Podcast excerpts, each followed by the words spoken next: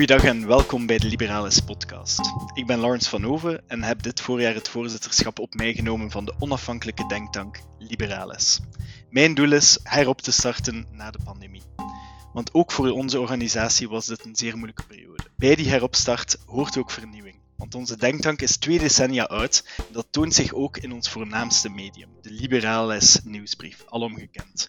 Vroeger was een nieuwsbrief dé manier bij uitstek om een grote groep mensen te bereiken. Vandaag speelt het publieke debat zich eerder af op sociale media. De nieuwsbrief blijven we houden, zij het dat we van een wekelijkse update met alle nieuwe teksten overgeschakeld zijn naar een maandelijks digest van onze online publicaties. Ons voornaamste kanalen zijn dan ook de website en fysieke activiteiten.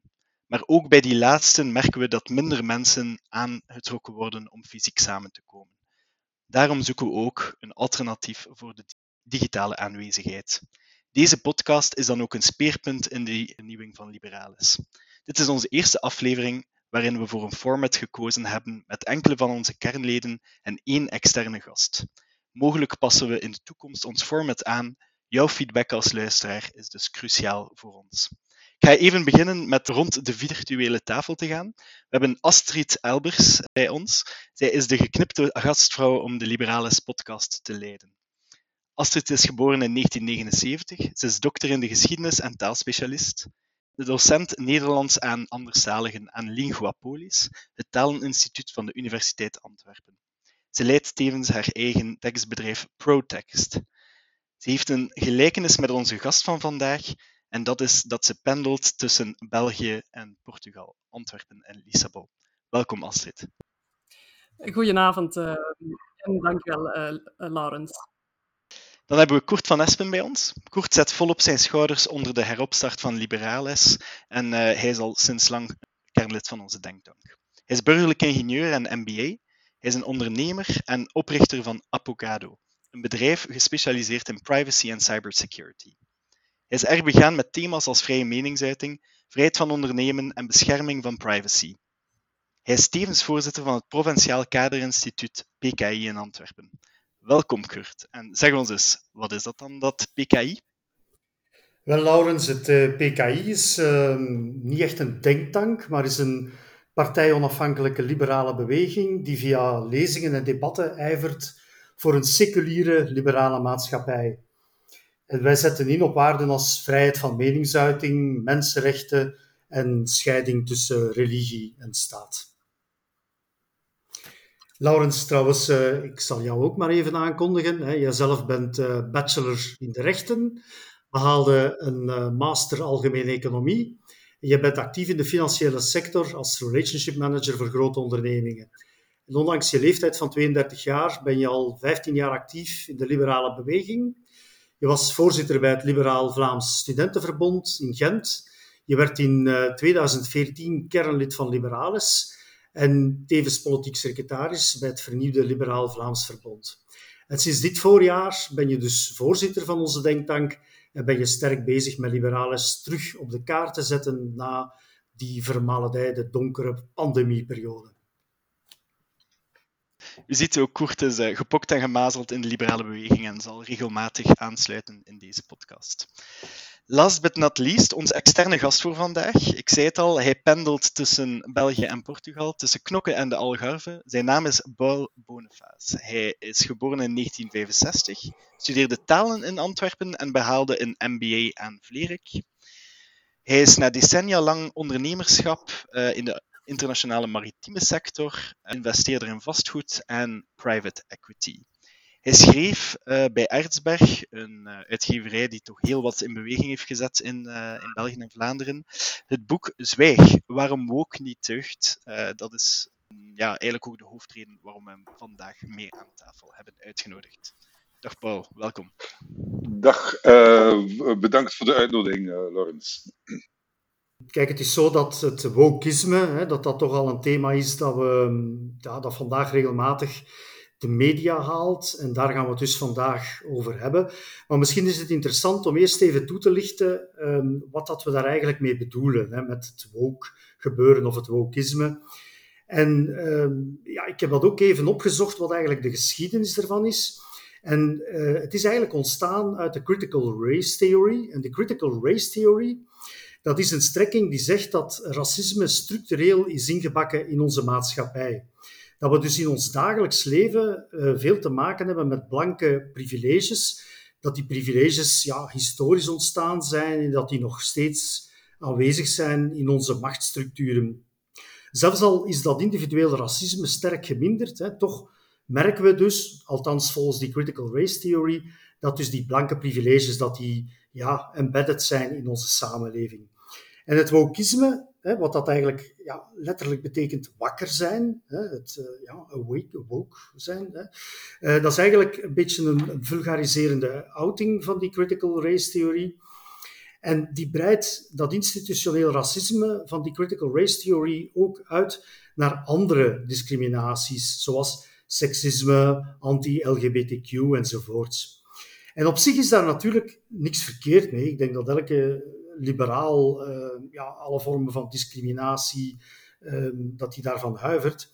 Maar wat dat wel vaker gebeurt met sociaal engagement, is dat er al wel eens iets doorslaat. Hè. En dat gebeurt ook met het wokisme. En dat gebeurt soms tot in het absurde. Voorbeelden ervan zijn uh, dat bijvoorbeeld de term zwangere vrouwen niet meer zou gebruikt worden, omdat ook transmannen kunnen zwanger worden enzovoort. En door die absurde excessen komt er ook meer en meer tegenwind. We zien dat uh, onder andere bij uh, iemand die we bij Liberales ook al vaak te gast gehad hebben, Floris van den Berg, de Nederlandse professor. Die in een recent boek van hem um, het wokisme um, terecht als een bedreiging voor de academische vrijheid benoemt. En die ook zegt dat het leidt tot onverdraagzaamheid.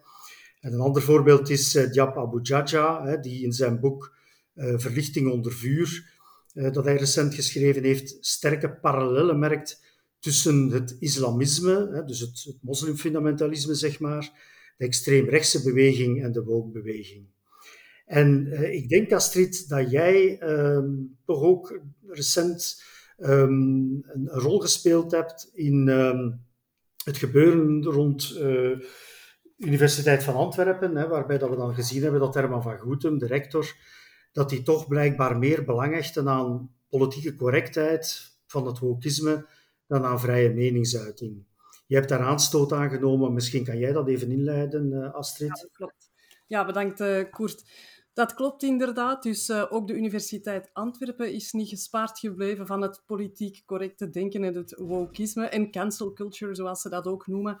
Nu, ja, kort samengevat, wat was er eigenlijk gebeurd? Uh, het begon dus uh, met het feit dat we midden juni ongeveer een mailtje ontvingen van de rector waarin stond dat er een filmpje op sociale media circuleerde waarin personeelsleden van de UA zich kwetsend hadden uitgelaten over bepaalde bevolkingsgroepen. En stond er ook bij, de UA veroordeelt elke vorm van racisme.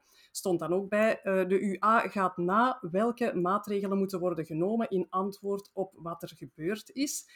Nu, wat was er eigenlijk gebeurd? Er was, um, het was, ging over een praktijkexamen dat per ongeluk opgenomen was. Sinds de coronaperiode worden alle hoorcolleges opgenomen, maar niet de examens. Uh, hier was sprake van een examen dat afgelopen was. Uh, twee collega's stonden nog wat met elkaar na te praten, maar die wisten dus niet dat het geheel was opgenomen, omdat dat eigenlijk uh, niet de bedoeling was. maar het stond dus per ongeluk als les ingepland en was dus wel opgenomen. Het was dan ook automatisch op het Blackboard verschenen en daar heeft iemand het opgepikt, uh, ik vermoed een student of zo, en heeft een, een, stukje uit dat gesprek dus tussen die personeelsleden op sociale media verspreid. Wat dus uiteraard al niet mocht. Nu, um, toen ik die mail zo, um, zo las, dan ja, het eerste wat ik dacht was van, goh, ja, dat moet verschrikkelijk zijn wat daar gezegd is geweest. Die, moeten daarin, die mensen moeten daar echt gescholden hebben op bepaalde studenten of zo. Maar tegelijk dacht ik ook, tja, dat is wel vreemd. Het ging hier, ging hier echt wel over een privégesprek, niet over een, een, een, een les of zo. Uh, een privégesprek dat uh, per ongeluk werd opgenomen en dan nog uh, onterecht, eigenlijk illegaal, verspreid is geworden door een, een, derde partij. Dus eigenlijk kunnen er op basis daarvan toch geen maatregelen genomen worden. Ja, en, maar toen had ik het filmpje dus nog niet gezien. Maar ehm, daarna, toen ik het filmpje dan wel zag, dan bleek het eigenlijk zo een, een, een, een gesprek van zodanige banaliteit uh, te zijn dat ik er eigenlijk echt van geschokt was wat een gevolg daaraan gegeven werd. Hè. Dus uh, die personeelsleden die spraken over taalachterstand bij bepaalde groepen. Het ging dan vooral over uh, ja, Noord-Afrikanen, studenten van Noord-Afrikaanse afkomst. over... Um, ja, zij hadden het dan ook over bijvoorbeeld, ze maakten een vergelijking met Joden. Ze zeiden, ja, Joden hebben hun eigen uh, scholen. En zij hebben dan biologieboeken waarin geen geslachtsdelen staan, af, staan afgebeeld. Um, ja, ik, misschien hadden zij een probleem gehad tijdens de les daarmee. Dat weet ik niet, want ik ken de voorgeschiedenis niet. Maar ze zeiden, ja, misschien is het een, zou dat een oplossing kunnen zijn of zo, om bepaalde zaken te scheiden in het, uh, in het onderwijs. Um, ja, kleine dingen. Eigenlijk, we zouden kunnen zeggen, cafépraat, onschuldige, uh, een onschuldig gesprek tussen twee mensen. Um, dus ja, dan was ik eigenlijk al helemaal geschokt, omdat, daar dan, uh, omdat ik dan in de kranten las dat daar uh, sprake was van structureel racisme aan de universiteiten. Allee, dus die mensen werden, uh, het ging trouwens over mensen uit de biologie, hè, dus die mensen die werden compleet eh, met de grond gelijk gemaakt. Um, het ergste van al was dan nog uh, dat uh, dus de rector daarna nog een tweede mail schreef en dus besli beslist had dat hij de twee dames met onmiddellijke ingang zou schorsen. Hij had dan ook uh, in ter zake laten weten dat, dat hij het, had hij ook helemaal niet achter zijn personeel gestaan en hij zei Um, ja, als ik, uh, als ik nu uh, mijn emoties de vrije loop zou laten, dan zou ik hier echt in tranen uitbarsten. Ja, vrij pathetische uh, uitspraak, denk ik. Um, goed, maar dus toen die mail kwam van die schorsing, dan dacht ik, ja, hier moet echt iets aan gedaan worden. Ik kan niet gewoon... Hè, dat was helemaal op het einde van het schooljaar, uh, eind juni. Ik vertrok uh, 1 juli met uh, vakantie, maar ik dacht, ik moet snel in actie schieten. Ik kan niet gewoon in oktober terugstarten aan de, aan de universiteit en niet reageren. Uh, zou gewoon van weinig collegialiteit al getuigen. En wij hebben dan een um, petitie tegen die schorsing en tegen de cancel culture in het algemeen opgestart. Dat, dat liep echt als een trein. We hebben ondertussen bijna 5000 handtekeningen verzameld. Ja, je zou kunnen zeggen, is dat veel, is dat weinig? Voor eigenlijk een, een louter interne aangelegenheid als zo'n schorsing, denk ik dat dat behoorlijk veel is mensen van allerlei slag hebben dat ondertekend. Hoogleraars van Vlaanderen, Vlaams, Vlaamse universiteiten, van Nederlandse universiteiten, uh, maar ook allerlei andere mensen. En ja, dus woke, ik kan zeggen, woke is onder de aandacht op dit moment. is een, denk ik ook, net zoals Floris van den Berg ook zegt, zoals jij al aanhaalde, Koert, het is een, een probleem dat we echt wel ernstig moeten nemen. Gelukkig begint men dat ook binnen de academische wereld wel te beseffen. Er begint daar ook protest um, te komen tegen die, dat wokisme. Ja, uh, eerst en vooral hulde Astrid voor uw initiatief. ik hoop dat er meer mensen rondtypen zoals u die, die durven hun, hun, hun, nek uitsteken en eigenlijk zeggen wat de meerderheid, eerlijk gezegd, denkt. Want één ding wat ik geleerd heb in, in het boek en ook nadien door de actualiteit te blijven volgen, is dat dit eigenlijk een, zou ik zeggen, de, de activisten die deze religie propageren, zijn eigenlijk een kleine maar machtige minderheid met een zeer grote megafoon. Hè? Maar zij bezetten eigenlijk de uh, culturele sleutelposities aan universiteiten, in instellingen, in allerlei openbare instellingen enzovoort. Het is eigenlijk zeg maar, de religie van de, van, de, van de elite, van de culturele elite.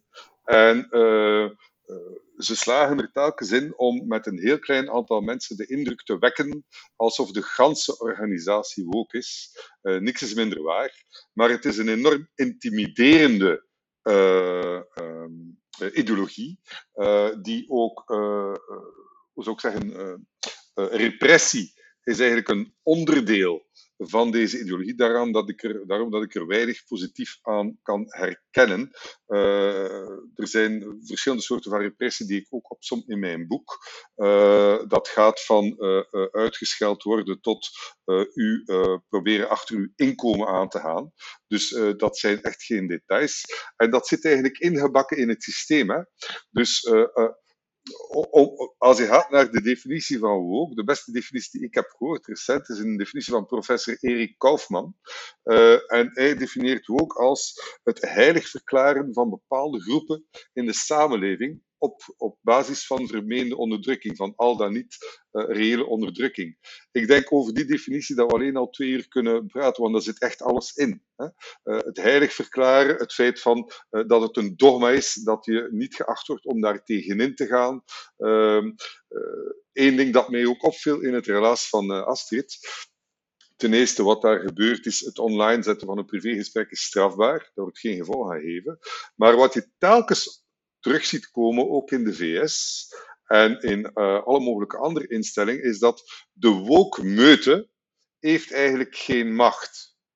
De woke-meute krijgt macht door de lafheid van de instellingen die meegaan en die dan sanctioneren. Maar je hebt die twee elementen nodig. Je hebt de meute nodig, want die kunnen niks doen. Die kunnen enkel uh, vanuit hun eenzaam kamertje uh, en hun anonieme accounts mensen uitkafferen enzovoort. Dat zijn gewoon de, de, de, de trollen. Maar uh, die, dat, dat heeft een enorm intimiderend effect, waardoor sommigen uh, met, met weinig ruggengraat zich dan geroepen voelen om daar gevolg aan te geven in de reële wereld. En zonder die lafheid aan de top van onze instellingen zou dit helemaal niet zo ontsporen. Hè. Nee, dat is een uh, interessante invalshoek al, denk ik. Ja, Paul, je hebt daar dat boek over geschreven, uh, dat er net al vernoemd werd. Dus uh, Zwijg, waarom woke niet deugt, hè, verschenen bij Erzberg vorig jaar. Um, wat ik zo interessant vond, was um, dat jij ook de oorsprong van die woke-beweging eens goed bekeken hebt. Hè. Dus men zegt vaak, uh, dat hoor je zo vaak, uh, woke heeft haar oorsprong in de burgerrechtenbeweging van de jaren 50 en 60, maar die burgerrechtenbeweging is nu compleet doorgeslagen of anders nog. Soms zegt men ook, het, uh, die beweging heeft zijn oorsprong in de vroegere sociale bewegingen, maar de eisen zijn compleet doorgeslagen. Hè. Dus bijvoorbeeld de homobeweging, de milieubeweging, maar die eisen zijn doorgeslagen.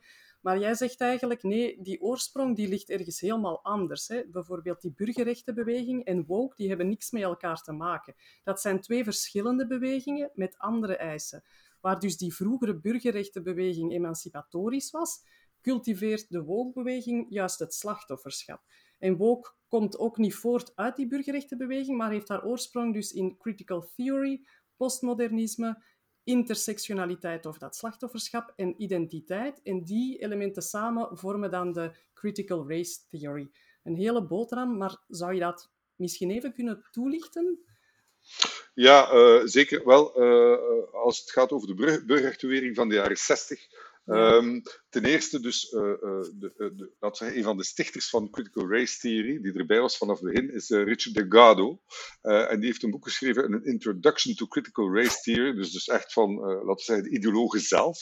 En mhm. daar lezen we op bladzijde 1, in tegenstelling tot de traditionele burgerrechten, dus hij zegt het zelf, stelt Critical Race Theory de grondslagen van de liberale orde zelf in vraag.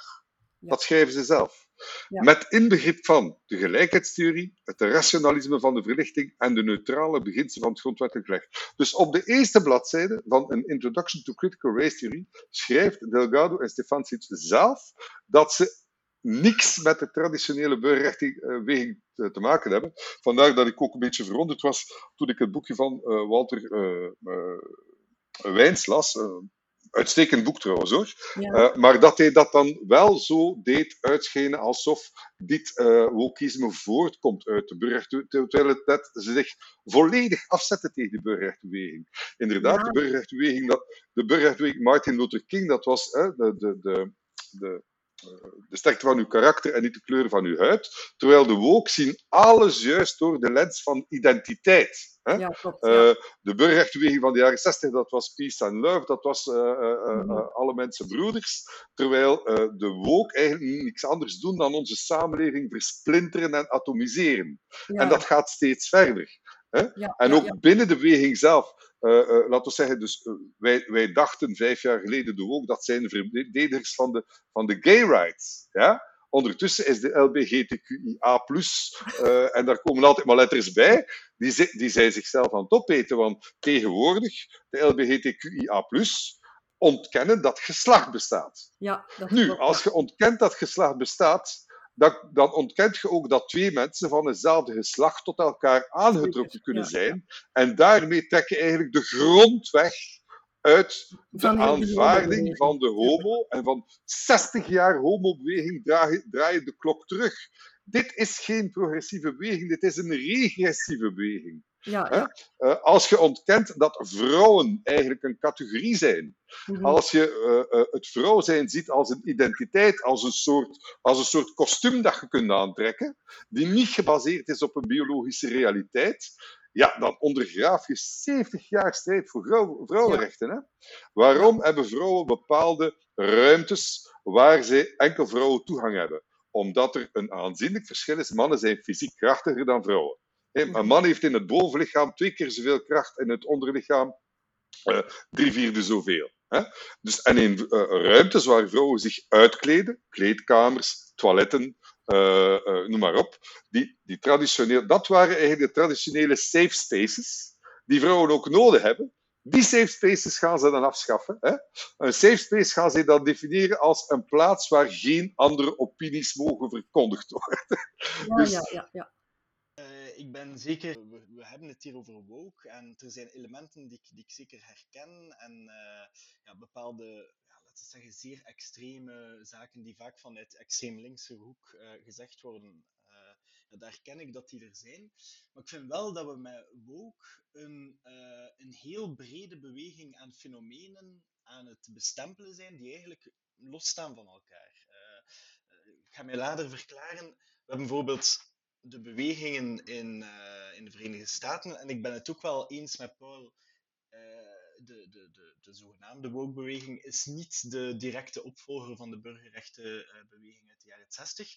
Maar je hebt wel die oorsprong eerder in uh, de gebeurtenissen rond George Floyd en dergelijke meer. Je hebt daar toch wel een soort bewustwording gehad in de Verenigde Staten, die volgens mij wel legitiem zijn. En waar dat we hier in West-Europa heel vaak de neiging hebben om te zeggen van ja, het precariaat en dergelijke meer, dat de lacune in de Verenigde Staten is dat je die groep kan benoemen en dat je daar dan heel rap de raciale labels krijgt, uh, en dat betreur ik zelf ook, waar dat we hier het over sociaal zwakkeren zouden hebben, heb je daar dan uh, in feite, ja, het is een sociologisch fenomeen dat, uh, dat men dat dan zo gaat benoemen, omdat in Amerika het ook een beetje een, een soort taboe is om het te hebben over die ongelijkheid wat ik wil aanbrengen, en in zekere zin, Paul, ik heb ook al gehoord in het verleden dat je, wel zaken her, herkent in die richting, maar wil ik toch wel aanbrengen dat er bepaalde aspecten zijn binnen die hele brede waaier van, uh, van mensen die je onder het woke-label kan plakken,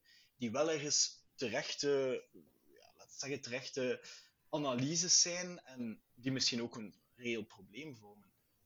Well, ik, ik wil zeker, uh, ik heb sympathie met mensen die, uh, ik heb sympathie met mensen die sympathie hebben voor de verpakking rond woke. laat ik het zo uitdrukken. Ik denk dat er een hele hoop mensen misleid zijn door het, het taalgebruik en door de ogenschijnlijk goede bedoeling, maar dat is volgens mij louter de verpakking. Hè? achter die verpakking schuilt een onverdraagzame, racistische ideologie die onze samenleving atomiseert en van binnenuit kapot maakt. Uh, daarom noem ik het ook een van de grootste bedreigingen voor het Westen die eigenlijk momenteel bestaan. Hè. Uh, eerlijk gezegd, we kunnen daar natuurlijk over discussiëren, maar uh, het, het, het, Westen en de westerse beschaving ademt zwakheid uit doordat deze ideologie domineert. Ik denk, en met mij toch een, een, aantal opiniemakers, onder andere Konstantin Kissen, een Rus met een, die met een Oekraïnse getrouwd is, en de situatie in Oekraïne van heel nabij opvolgt. En die zegt, van, die zegt vlak af van, met, met Trump was, was Poetin nooit binnengevallen. Maar sedert Biden en het ganse woke-gedoe, het Westen, eh, het, Westen, eh, eh, het Westen haat zichzelf. En dat maakt het voor de vijanden van het Westen natuurlijk zeer gemakkelijk. Hè? Voor de vijanden van het Westen vinden dit geweldig. En die vinden we ook geweldig hoe het Westen zichzelf aan het onderuit halen is. En dat ziet je ook aan, uh, Astrid stelde mij de vraag over de oorsprong van woke. Uh, woke is eigenlijk niet marxistisch, maar importeert wel het marxistisch conflictmodel. Hè? Ja. maar is eigenlijk niet marxistisch. Men, men, importeert dat conflictmodel omdat dat nu eenmaal een schitterend model is om onze samenleving van binnenuit kapot te maken. Hè? En wat ze, wat ze uit het marxisme kapen is het marxisme eigenlijk in, in, in een aantal punten samenvat tegen het gezin, tegen privaat bezit, tegen religie, tegen traditie. Dat zijn eigenlijk de vier fundamenten die, die een maatschappij samenbinden. Als je het gezin onderuit haalt, als je uh, uh, religie weghaalt, dat zijn de zaken die ons, ons als, als maatschappij binden. Als je dat kapot maakt, dan heb je enkel nog de staat. En dat is eigenlijk hetgeen waar men naartoe wil. Een, een, een machtige staat, de democratie afbouwen. En je ziet altijd maar meer totalitarisme. Vandaar ook dat ik zeg, de repressie zit in uh, het wokisme ingebakken. Dat is geen. It's, not, it's, it's a feature, not a bug. Dat is geen bijkomstigheid. Kort? Ja, ik, ik, vraag me toch af, uh, Paul, of dat we hier niet iets te kort door de bocht ontgaan zijn door te zeggen dat uh, ja, het, het, tegen religie zijn, of laten we zeggen ijveren voor een, een, religievrije uh, gemeenschap, dat dat per se uh, verkeerd is. Hè? Ik ben zelf een grote voorstander en zelfs ja, militant atheïst en, en, en strijder voor, een, voor een seculiere maatschappij. Dus ik vind dat wel een beetje, een beetje raar om dan te horen dat, dat, dat dat zou geassocieerd worden met het wokisme. Hè? Trouwens, we zien toch ook dat in de wokbeweging dat er dan weer al ja, heel veel Ehm, support, heel veel steun ontstaat, vaak vanuit uh, voor, voor, voor uh, nieuwere religies en dergelijke. Dus ik, ik weet niet of we daar niet een beetje kort door de, door de bocht gaan. Wel, uh, ik, ik, ik noem de, dus religie enkel op in, in het kader van, als we de kenmerken van het marxisme, die, die een fundament is van deze ideologie, een van, van de kenmerken is dat men strijd tegen religie, omdat dat iets is wat een, een cohesie kan geven. Dus uh, in dat kader vermeld ik het. Maar eigenlijk uh, zijn er altijd maar meer stemmen. Ik zie eigenlijk ook als religie bijna als een secte. Het, het, concept van de erfzonde is daar zeer diep doorgedrongen. de inquisitie tegen anders denken, het dogmatische. Er zijn eigenlijk twee dogma's in, in het wokisme. Racisme is structureel, wat het helemaal niet is het concept van white privilege, uh, zonder rekening te houden met klassenverschillen, wat absurd is, wat zelfs uh, iemand als John McWhorter uh, met de grond gelijk maakt. En dus het systemisch racisme, het ganse CRT-verhaal, maar anderzijds ook, en dat zien we nu meer in onze scholen via Savaria, hè, dat geslacht niet bestaat. Nu, uh, dat soort van, uh, uh, excuse my French, regelrechte onzin propageren in onze scholen vind ik gewoon een, een, ramp voor de mentale gezondheid van onze kinderen. Hè? En ik denk dat daar, in, in Amerika is daar eigenlijk het grote verzet tegen de woke pas echt gemobiliseerd. Toen mensen beseften wat de woke-ideologie deed met hun kinderen. Dat kinderen thuiskomen en zich dan onder, onder, onder invloed van die brainwashing uh, thuis beginnen auto van ja, uh, ik voel me eigenlijk als iemand van het andere geslacht, enzovoort, enzovoort. Een complete ramp voor de mentale gezondheid van onze, van onze uh, jeugd. Oké. Goed, uh, Paul, ik had nog enkele vraagjes over jouw boek. Um, ja, jij zei dus, uh, je benadrukte dat het probleem aan de westerse universiteiten zich vooral situeert in faculteiten humane en sociale wetenschappen. Nu, dat zijn natuurlijk de faculteiten waar maatschappelijke theorieën gevormd worden. Um, maar ik denk toch dat uh, aan exacte faculteiten ook uh, grote problemen, dat er daar ook grote problemen zijn. Um, ik heb bijvoorbeeld al uit goede bron vernomen dat professoren geneeskunde aan de Universiteit Antwerpen heel voorzichtig zijn in hun uitspraken tijdens de les uit angst voor repercussies.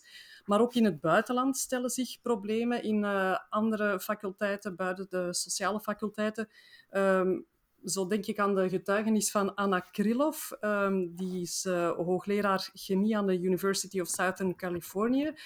Uh, zij zei over de richtlijnen van de Royal Society of Chemistry dat er, dus, um, dat er dus richtlijnen zijn voor auteurs om aanstootgevende woorden, afbeeldingen en dergelijke meer in publicaties te vermijden.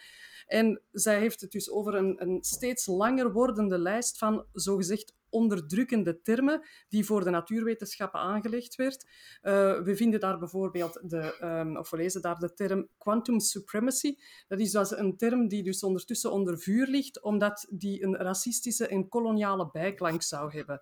Um, ja, kan je daar uh, iets meer over zeggen? Of heb je daar ervaring mee?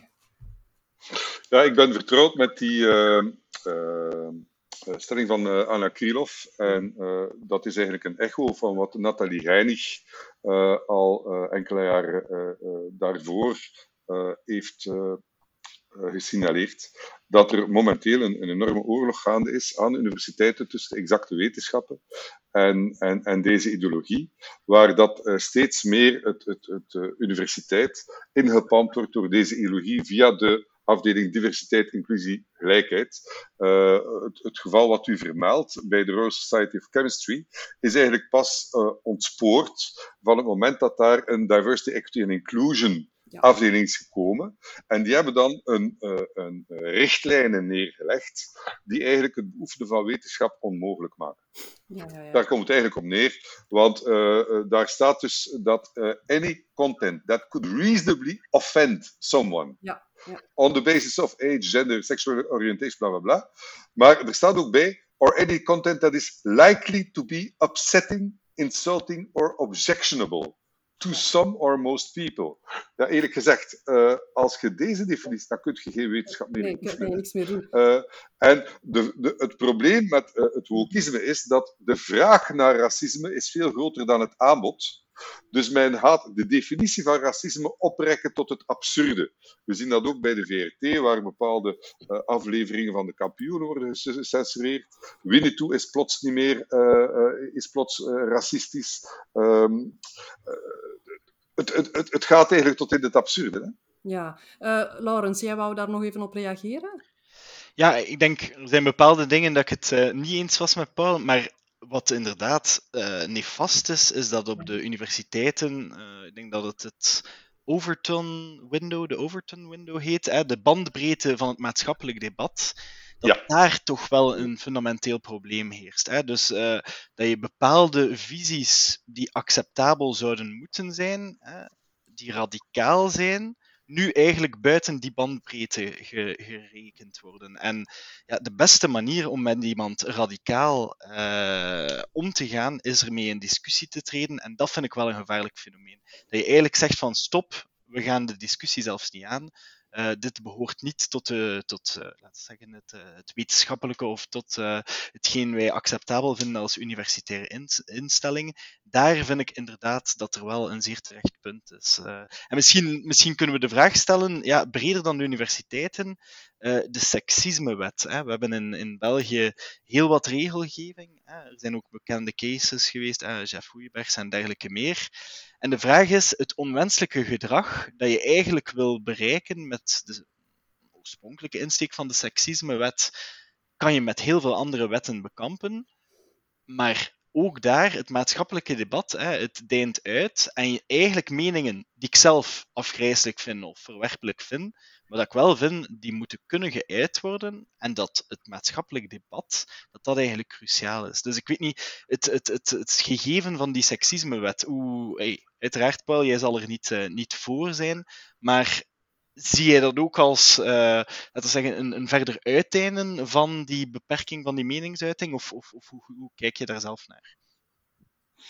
Ja, misschien nog even aanvullen over de universiteit, uh, het, het, thema van, van daarnet. Dat uh, het lijkt mij essentieel dat aan de universiteit dat dat een plaats is waar, waar de, de missie van de universiteit is het zoeken naar de waarheid. En van zodra dat die missie iets anders wordt, dan uh, verlaat de universiteit eigenlijk haar doel en dan kunnen ze er eigenlijk beter mee stoppen. Hè? Uh, de universiteit is een instelling waar naar de waarheid gezocht moet worden. En dat kan enkel in een uh, klimaat van intellectuele diversiteit. Nu, die intellectuele diversiteit, laten we eerlijk zijn, die is er niet meer. Hè? Uh, meer dan uh, 80% uh, aan de universiteit. En, en, volgens onderzoek van Jonathan Haidt is dat momenteel zelfs nog, nog, nog verergerd. denken allemaal hetzelfde. En mensen die anders denken, die durven hun kop niet meer, of die, die krijgen dan, die kunnen bepaalde onderzoeken niet meer voeren, wordt niet goedgekeurd, krijgen ze geen budget voor, enzovoort, enzovoort. Ik denk dat er een enorme verantwoordelijkheid ligt bij de overheid om te zorgen dat die diversiteit van opinies, die diversiteit van meningen, dat die terug kan komen naar de universiteit. Dat is essentieel. Uh, want anders gaan we verder uh, dat paadje af van eigenlijk een, dan wordt de universiteit eigenlijk een soort, laten we eerlijk zijn, een soort kerken. en dan moet je afvragen of het nog de moeite is om naar de universiteit te gaan. Ja, Koert, jij wou iets aanvullen? Ja, ik wou eigenlijk ja, iets aanvullen op, op, op uh, die, de seksismewet en die uh, excessen die we ervan gezien hebben toen, uh, ja, het is al door Laurens even aangehaald, maar toen ehm, vorig jaar of twee jaar geleden Jeff Hoeibergs ehm, veroordeeld geweest is, hè, blijkbaar, omdat hij ja, een aantal platte uitspraken gedaan had in toch wel ook een redelijke privécontext bij een ja, uh, laten we zeggen, een bedenkelijke conservatieve katholieke beweging, hè, het KVAV. Um, allemaal zaken waar ik denk dat weinig liberalen kunnen achterstaan. Maar wat aan mij opvalt is dat, bij, dat er zoveel mensen eigenlijk die uitspraak hè, van Unia, denk ik, uh, uh, of allee, Unia heeft, heeft, heeft laten we zeggen, de zaak tegen Hooibergs verdedigd het valt mij op hoeveel mensen dat er dan toch lijken daarmee in te stemmen. En dat vind ik zo verontrustend. Hoe weinig mensen eigenlijk dat onderscheid kunnen maken tussen het recht hebben om een al dan niet verwerpelijke mening te verkondigen en die verwerpelijke mening zelf. En is dat toch niks waar dat we moeten als maatschappij wat meer uh, aandacht voor hebben, dat onderscheid? Ja, ja, ja. ja. ja. De, de dat lijkt me. Uh, wie er beter het belangrijkste, de belangrijkste tegenstelling van dit tijdsgevricht is niet tussen links en rechts of progressief versus nee. conservatief. Het is het, uh, het uh, recht om nog uw, uw mond open te doen. Mensen die vinden dat iedereen hetzelfde moet denken en, en, en de anderen. Ik ben op dat vlak, uh, samen denk ik met Mark Gardus, uh, uh, toch een enorme voorstander van het recht op vrije meningsuiting. en in, in, geen enkele maatschappij ooit is de, de recht op vrije meningsuiting absoluut. Hè? Hmm. Dus daar kan ik me wel in vinden. Van zodra dat er rechtstreeks op, opgeroepen worden, rechtstreeks oproepen tot geweld, kunnen uiteraard niet. Maar los daarvan vind ik dat het recht van meningsuiting, recht op vrije meningsuiting, net bestaat om die ongemakkelijke, ambetante, soms grove, uh, andere mening aan. Uh, de beste remedie tegen uh, extremistische praat is, is dialoog. Ja.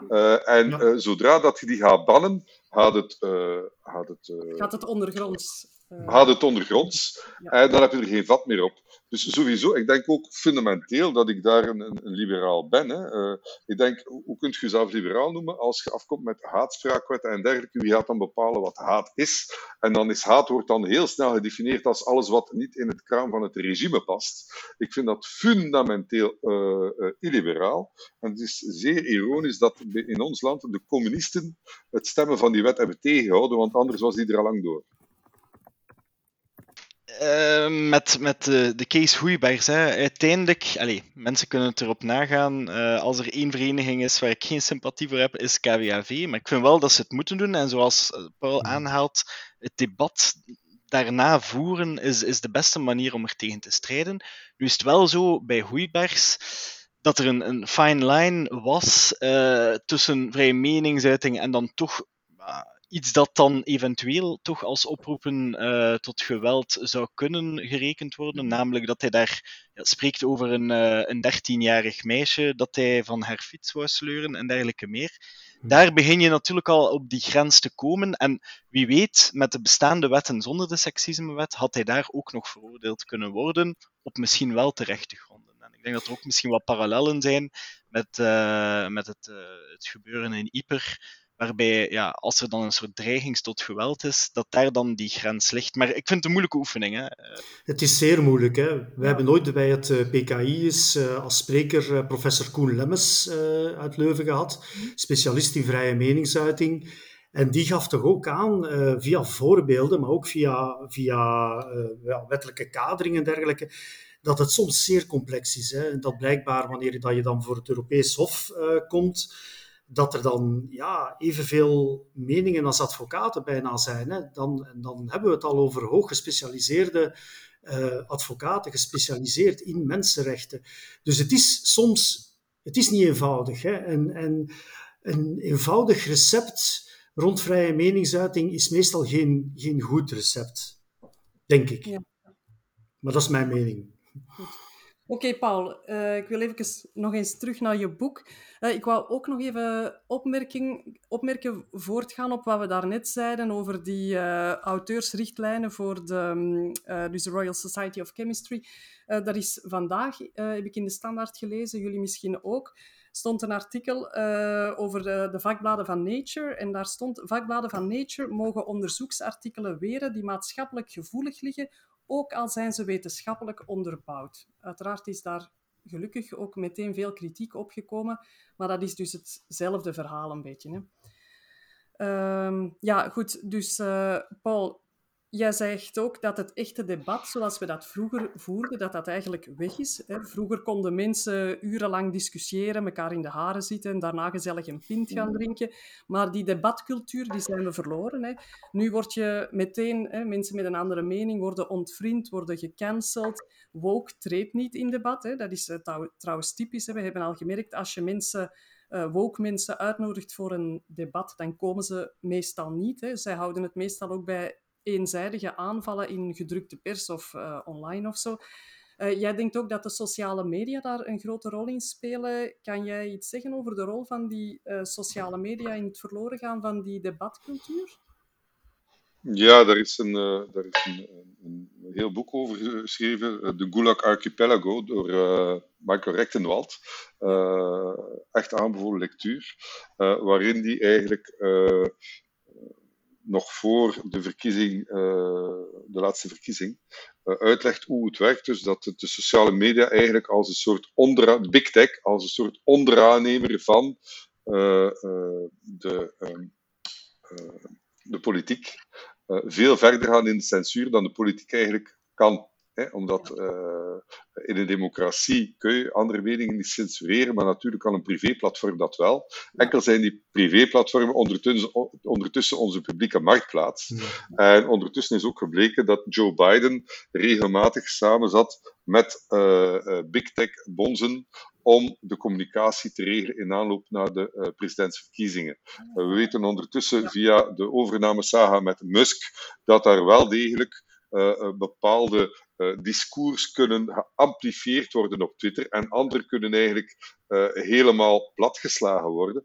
Dus Twitter kan eigenlijk sturen of een bepaalde uh, discours um, tractie krijgt op, op, sociale media of niet. Dat is een enorm gevaarlijke rol. Stel je voor dat het omgekeerd is. Ja, ja. Stel je voor dat de Republikeinen zoiets doen, dan, dan brandt men de straten af. Uh, maar in deze richting blijkbaar uh, kan het dan wel. Dus uh, dit, dit, dit klopt allemaal niet meer. Hè? Dit klopt voor geen meter. Hè? Nee, nee, nee. Ja, Maar het debatcultuur wat u aanhaalt, klopt. Hè? Dus de, de grote woke-ideologen die miljoenen want laten we niet vergeten, dit is een verdienmodel. Hè? Dit is een miljardenindustrie. Hè? soms vind ik een beetje weinig over gebabbeld. Maar de diversity, equity and inclusion, dat is big business. Hè? Uh, Google het maar eens, uh, de, het, het, het zakencijfer van diversity, equity inclusion, de anti-bias trainings, die niks opbrengen. Daar bestaat onder, onderzoek door, uh, door Harvard ondertussen, die aantoont dat anti-bias eigenlijk het omgekeerde bereikt. Maar ondertussen, ja, er zijn tal van consultants die daar zeer dure programma's hebben. Miljarden worden daarin verdiend. Mensen als Ibrahim X. Kendi en uh, Robin DiAngelo, de twee best verkopende woke-ideologen, ja. die vertikken elk debat met een tegenstander. Ja, ja. Uh, en waarom? Dat is niet moeilijk. Hè? Deze ideologie zit zo vol met tegenstellingen, ja. dat uh, dat verdienmodel zo in vijf minuten in elkaar storten. Dus ze doen het niet. Nee. En de woke-aanhangers zelf in onze media, die, die allee, bedoel, noem maar op, die zitten in, in, in quasi elke redactie, die gaan altijd, dat is altijd hetzelfde. Eerst ontkennen ze dat ook bestaat. Mm -hmm. ja. En als je ze dan confronteert met allerlei praktische zaken van dat ook, dan zeggen ze ja, maar het is allemaal zo erg niet. Ja. En als je dan te veel tractie krijgt als, als tegenstander, dan gaat men u persoonlijk aanvallen. Ja, ja. Maar in debat komt er niet, hè?